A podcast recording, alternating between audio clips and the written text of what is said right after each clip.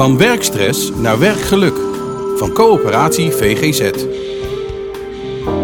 Welkom bij deze podcast over werkstress, aangeboden door corporatie VGZ.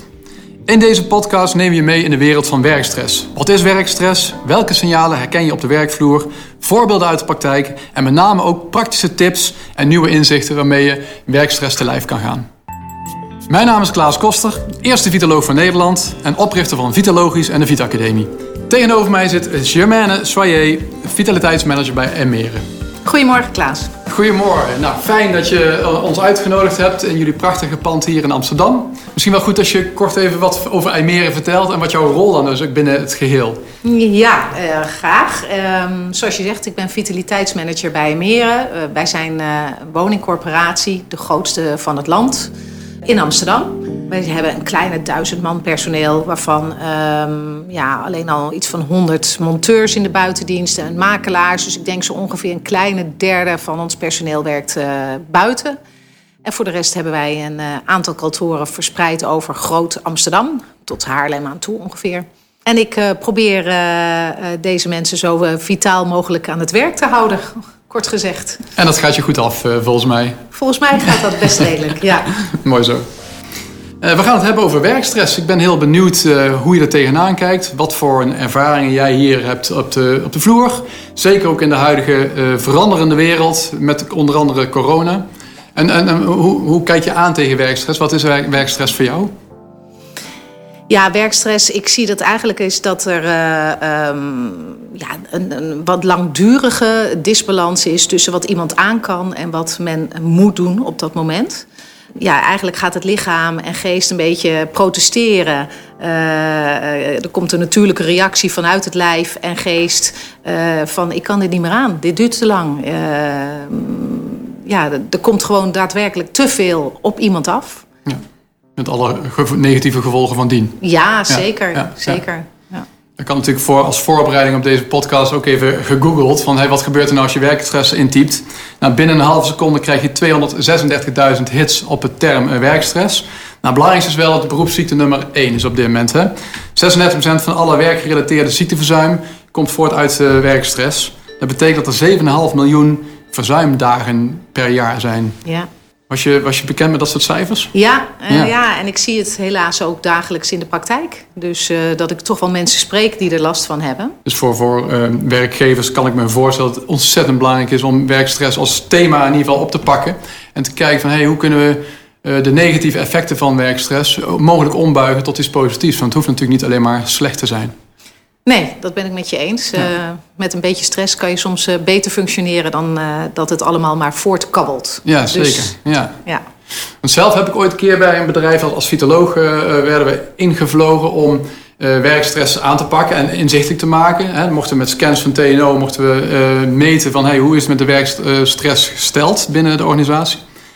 En wat wij ervaren is dat we, doordat we de focus aan het leggen waren op werkstress, ontstond er eigenlijk een soort van werkstress. Dus ook degenen die er misschien onbewust ergens last van hadden, die werden er bewust van. En daarmee maakt het probleem in eerste instantie groter.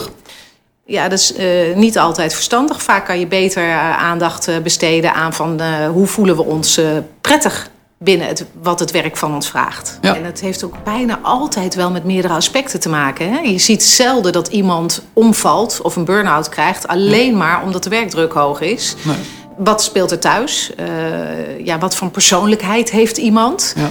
Wat voor overtuigingen? Uh, uh, en, en, op die manier gaat iemand wel of niet last krijgen van de werkdruk die er op dat moment is. Want anders zou ook een hele afdeling omvallen. Ja.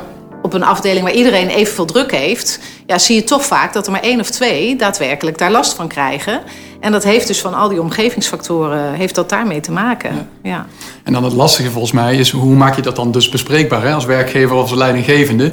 Hoe, uh, als je die signalen dan dus ziet, hè? wat voor signalen zie je uh, als je op de vloer loopt? Wat zijn dan signalen waar je denkt, hey, die persoon zou wel eens last kunnen hebben van werkstress? Ja, daar hebben wij het inderdaad, uh, heb ik het enorm veel over met leidinggevenden. Hoe zie je dat nou? En ik zeg altijd in het algemeen van, joh, let op verandering in gedrag. Hè? Uh, want bij iedereen is het anders, namelijk ook nog de signalen. Uh, maar je ziet wel een paar overeenstemmingen. Je ziet dat uh, veel mensen bijvoorbeeld ineens heel veel lichamelijke klachten krijgen. Mm -hmm. Um, en dan moet je denken aan? Uh, hoofdpijn, nekpijn, hoofdpijn, buikklachten. eigenlijk alles waar mensen een beetje zenuwen, wat, wat duidt op, ja, op stress, zeg maar. Dus fysieke klachten ook. Fysieke klachten. Ja. En je ziet ook verandering in gedrag. Dus mhm. bijvoorbeeld een hele goede werknemer kan ineens fouten gaan maken. Ja. Of zich minder goed concentreren. Het korte lontje. Ja. Of juist het tegenovergestelde. Je hebt ook mensen die uh, normaal gesproken heel druk zijn en ineens heel stil worden. Dus ik zeg eigenlijk, eigenlijk verandering in gedrag. Dus iemand gedraagt zich of laat iets anders zien dan dat je van hem gewend bent. Mhm. Dat maakt dan vaak dat er toch wel iets speelt met zo iemand. En dan, wat jij net zegt, ga het goede gesprek aan. Dat is ook iets wat, uh, wat de leidinggevenden ja, moeten leren. En uh, sommigen hebben dat heel goed onder de knie. En anderen hebben we daar een beetje hulp bij nodig. Ja. Dus als werkgever en jij als fatality manager uh, pikt die signalen ook op en gaat daar ook met de leidinggevende over in gesprek, begrijp ik hier ook? Ja, ja er zijn leidinggevenden die dat echt helemaal zelf doen. Ja. Wij werken als IJmeren met het Huis van Werkvermogen. Dus uh, ze gaan dan ook uh, kijken van oké, wat speelt er nog meer in, hè, op het gebied van werkvermogen? Speelt er nog iets bij normenwaarden? Speelt er iets bij competenties? vraagt het werk te veel van iemand? Dus dat wordt onderzocht door de leidinggevende zelf. Maar er zijn er ook wel een heleboel die bij mij komen om te vragen van... joh, wat zal ik, hoe zal ik dit aanpakken? Of wil jij eens in gesprek met deze persoon? Ik voel dat er iets is, mhm. maar ik kan niet helemaal de, eh, ja, de vinger erop leggen wat dat dan is. En dan ga, ga ik of alleen of samen met de leidinggevende in gesprek met zo iemand... goed luisteren. Wat is er aan de hand? Wat heeft iemand nodig? Kunnen we iemand tijdelijk een beetje ontlasten? Uh, of andere interventies bieden om ze zo uh, staande te houden, om het maar zo te zeggen. Ja, ja. En de leiding, het is wel de bedoeling dat de leidinggevenden dat dan steeds meer gaan leren. Hè? Dus dat ze dat dan ook zelf kunnen op termijn. Maar als je gewoon het uh, empathisch uh, gesprek met iemand in, aangaat. En je gaat ook echt uh, luisteren naar wat iemand te zeggen heeft. En doorvragen. Dan komt dat eigenlijk bijna altijd vanzelf wel boven water.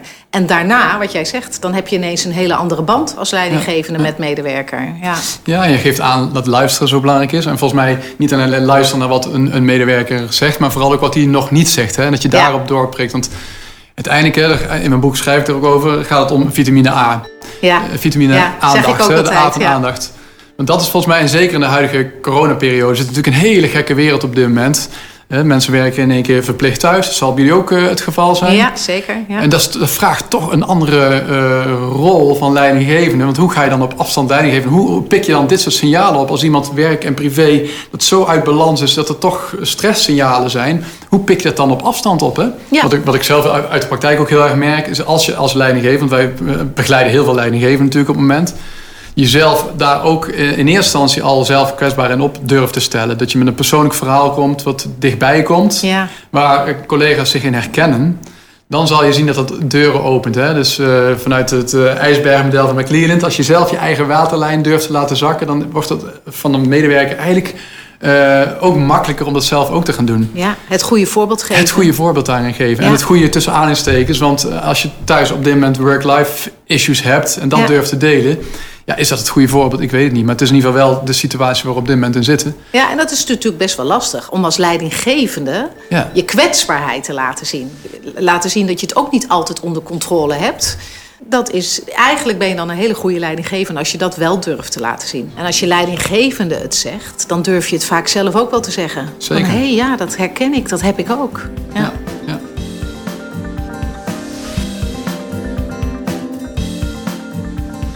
Nou, we hadden het net eh, even over hoe belangrijk het is om dat goede gesprek eh, te voeren als leidinggevende. Om te, signalen te ontdekken van wat zijn mogelijke stressoren bij eh, medewerkers. En laatst een mooi voorbeeld van een leidinggevende die zei van in plaats van de bila's die we voorheen altijd op kantoor deden. A, dat mag nu niet meer. B, ik voel echt dat ik die verbinding heel erg nodig heb, ook met mijn collega's. Dus ik heb er wiela's van gemaakt. Ik ben gaan wandelen. Ja. Is het iets wat passend zou kunnen zijn bij jullie IJmeren? Ja, zeker. Het is ook iets wat we aanraden aan niet alleen leidinggevenden, maar ook onze medewerkers. Uh, sowieso het wandelen. Hè? Probeer uh, of je dag te beginnen met wandelen of rondom je lunchpauze te wandelen. en bij, um, ja, ik zeg wel eens vergaderingen of bila's, mm -hmm. doe je oortjes in, ga lekker het park in. En dan, en dan sla je twee vliegen in één klap. Hè? Je hebt en de beweging en je hebt toch ook uh, het contact op dat moment met uh, je medewerker of je collega. En nog een derde, de verbinding met de natuur. Hè. Natuur werkt helend. Ja, een beetje je... mindful, hè? Ja, zeker. Ja, ah. ja. Goede praktische tip die volgens mij ook heel eenvoudig toe te passen is... waardoor leidinggevenden toch weer echt die verbinding kunnen voelen en ervaren met de medewerker. Echt weten wat er speelt. En uiteindelijk om vanuit dat, die zwaarte, waar we net eventjes over hadden, alle negatieve effecten, maar ook de positieve dingen te kunnen benoemen. Hè. Bijvoorbeeld van het thuiswerken.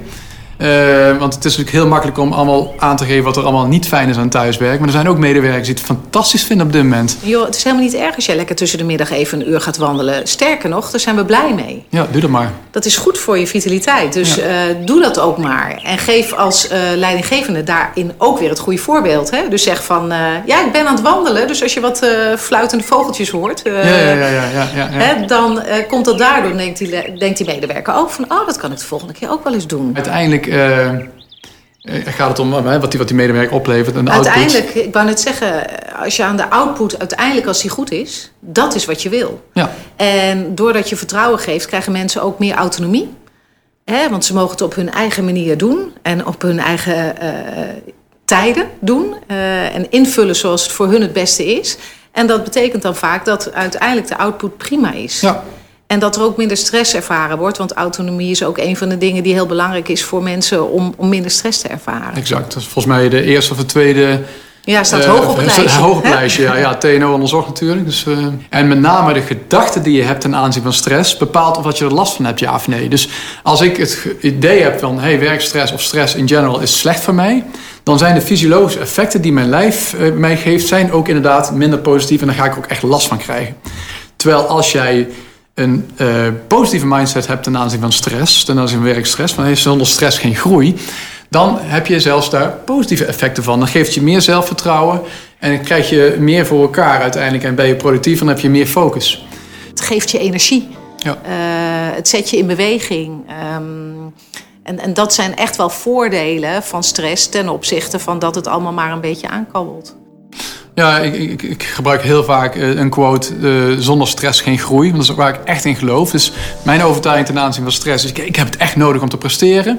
Het geldt zelf ook voor topsporters. Uh, die hebben nog nooit een prachtige prestatie geleverd zonder stress. Die spanning heb je gewoon nodig. Alleen wat topsporters heel goed doen, is na inspanning komt ontspanning. Ja, ja. En wat heel veel medewerkers, eh, en kan me voorstellen bij, eh, ook bij Almere en bij andere bedrijven, is dat ze onvoldoende rust nemen. Zeker nu in de huidige coronaperiode en met, eh, met alle technologische ontwikkelingen. Het gaat maar door, we staan nooit meer uit.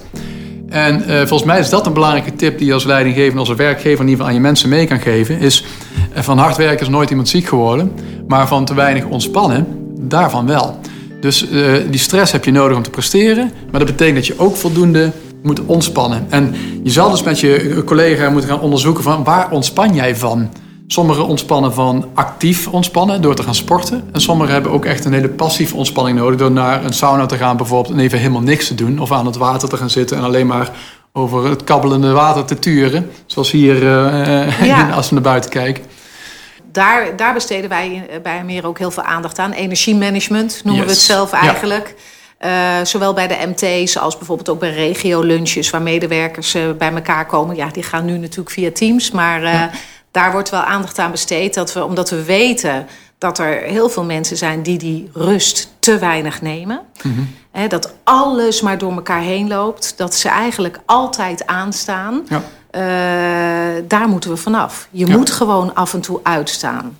Of in ieder geval energie opdoen. En ik ben het met je eens, het is voor iedereen anders. De ja. ene die gaat heel graag sporten. Ik denk dat we voor iedereen in het algemeen wel kunnen zeggen... beweging is goed.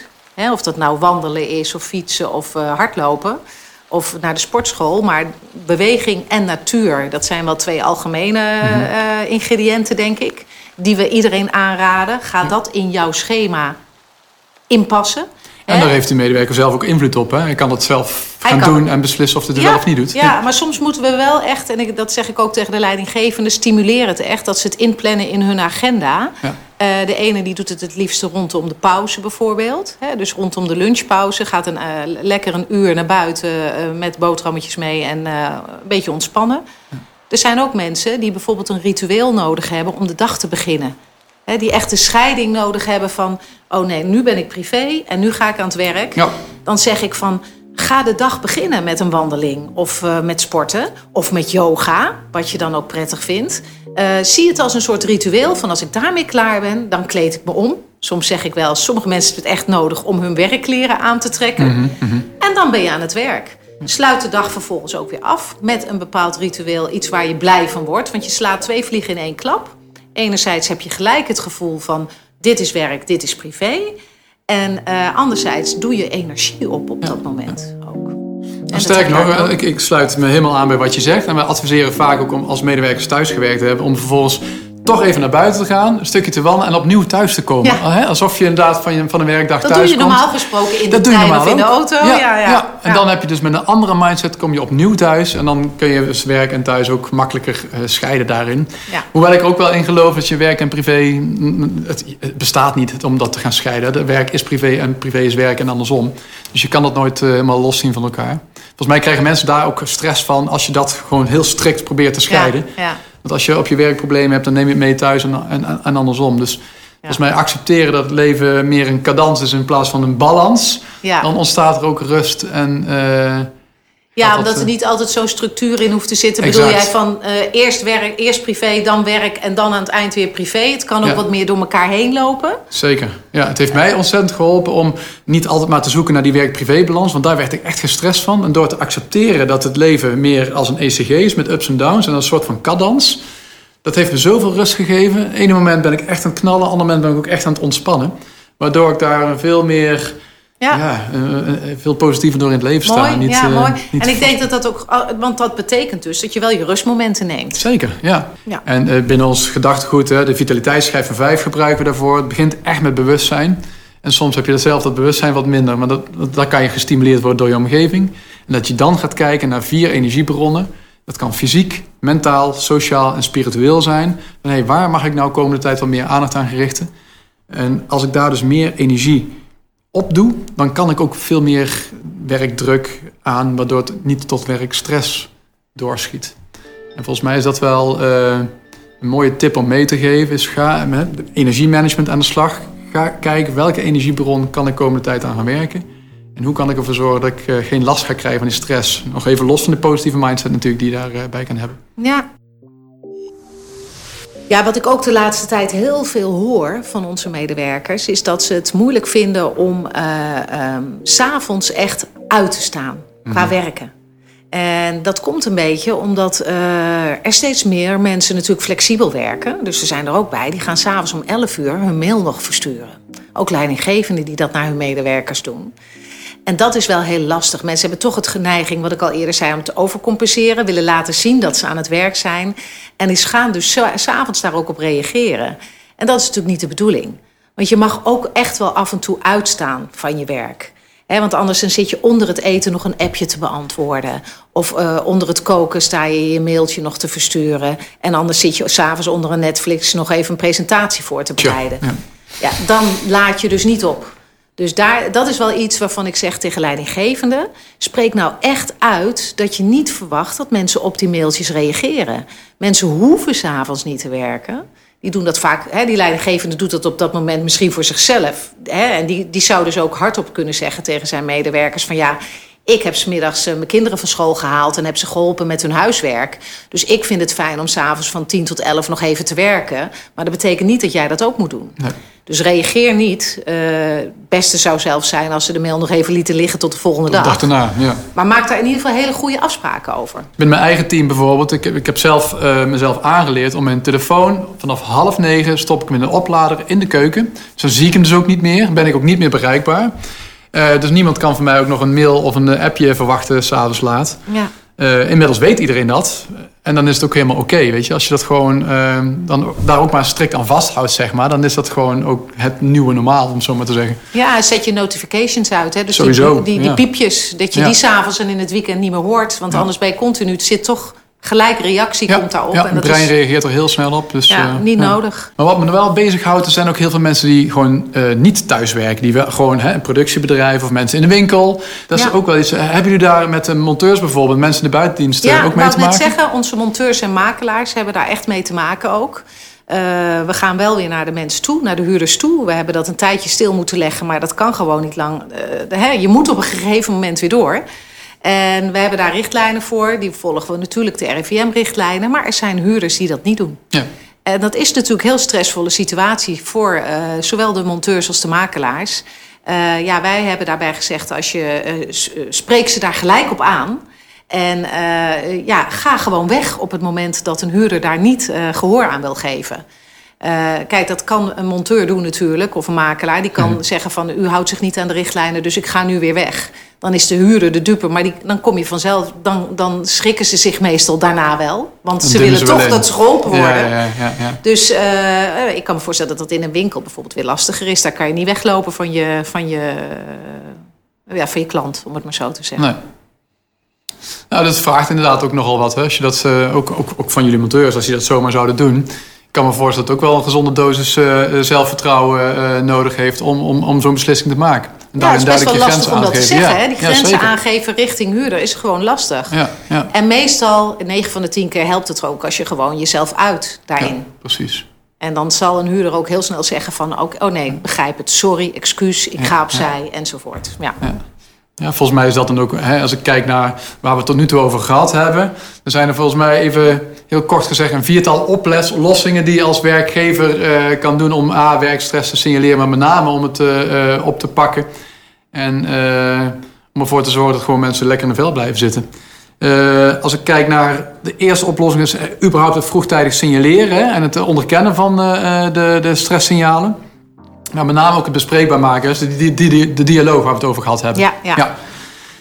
Tweede eh, die ik eruit haal uit het gesprek is uh, de sociale steun en de waardering. Hè, die vitamine A waar we het over gehad hebben. Dus als een medewerker zich erkend voelt, dan krijgt hij toch net even wat meer energie en vleugels dan wanneer hij in zijn eigen sop graag mag koken, om het zo maar te zeggen. Het derde is dan het vergroten van energiegevers. Hè? Dus waar krijgt iemand energie van? En de vitaliteitsschijf van vijf hebben we het benoemd. Hè? Sociaal, spiritueel, fysiek, maar ook mentale energiebronnen waar je aan kan werken. En zorg dat dus voldoende ontspanning. Eh, hard werken is prima, maar ook hard ontspannen. En de laatste zou dan volgens mij, die ik eruit filter, is dan die, die mindset shift. Hè? Hoe je stress als vriend kan gaan zien. Dat je juist de positieve effecten van stress gaat ervaren en gaat benoemen. Dat je dan ook veel minder last ervan hebt. Ja. Zijn dat zo de vier punten of, of mis je dan nog één? Nee, ik denk dat het heel herkenbaar is. Mooi samengevat op deze manier. Ja, zeker. Oké, dan wil ik jou vooral ook ontzettend bedanken voor dit uh, open en energieke gesprek. Ik hoop dat je het heel prettig hebt ervaren. Als je straks terugluistert en je denkt van nou, daar hebben we uh, goede tips uh, uit kunnen halen. En andere werkgevers in Nederland daar ook baat bij hebben. Heb je nog een nabrander, iets wat je mensen mee zou willen geven? Kijk ook eens op het Gezond Leven platform van VGZ. Dat uh, raad ik heel vaak aan. Er staan allerlei tips en tools, trainingen, workshops en dergelijke op op allerlei gebieden. Ook over work-life balance, ook over coronastress, noem maar op. Er zijn, uh, je, je, kan de onderwerpen bijna niet bedenken die daarop staan. En wellicht uh, haal je daar wat tips uit waarmee je weer verder kan. Oké, okay, super bedankt. Graag gedaan. Wens ik je een hele mooie dag nog. Hetzelfde. Van werkstress naar werkgeluk van coöperatie VGZ.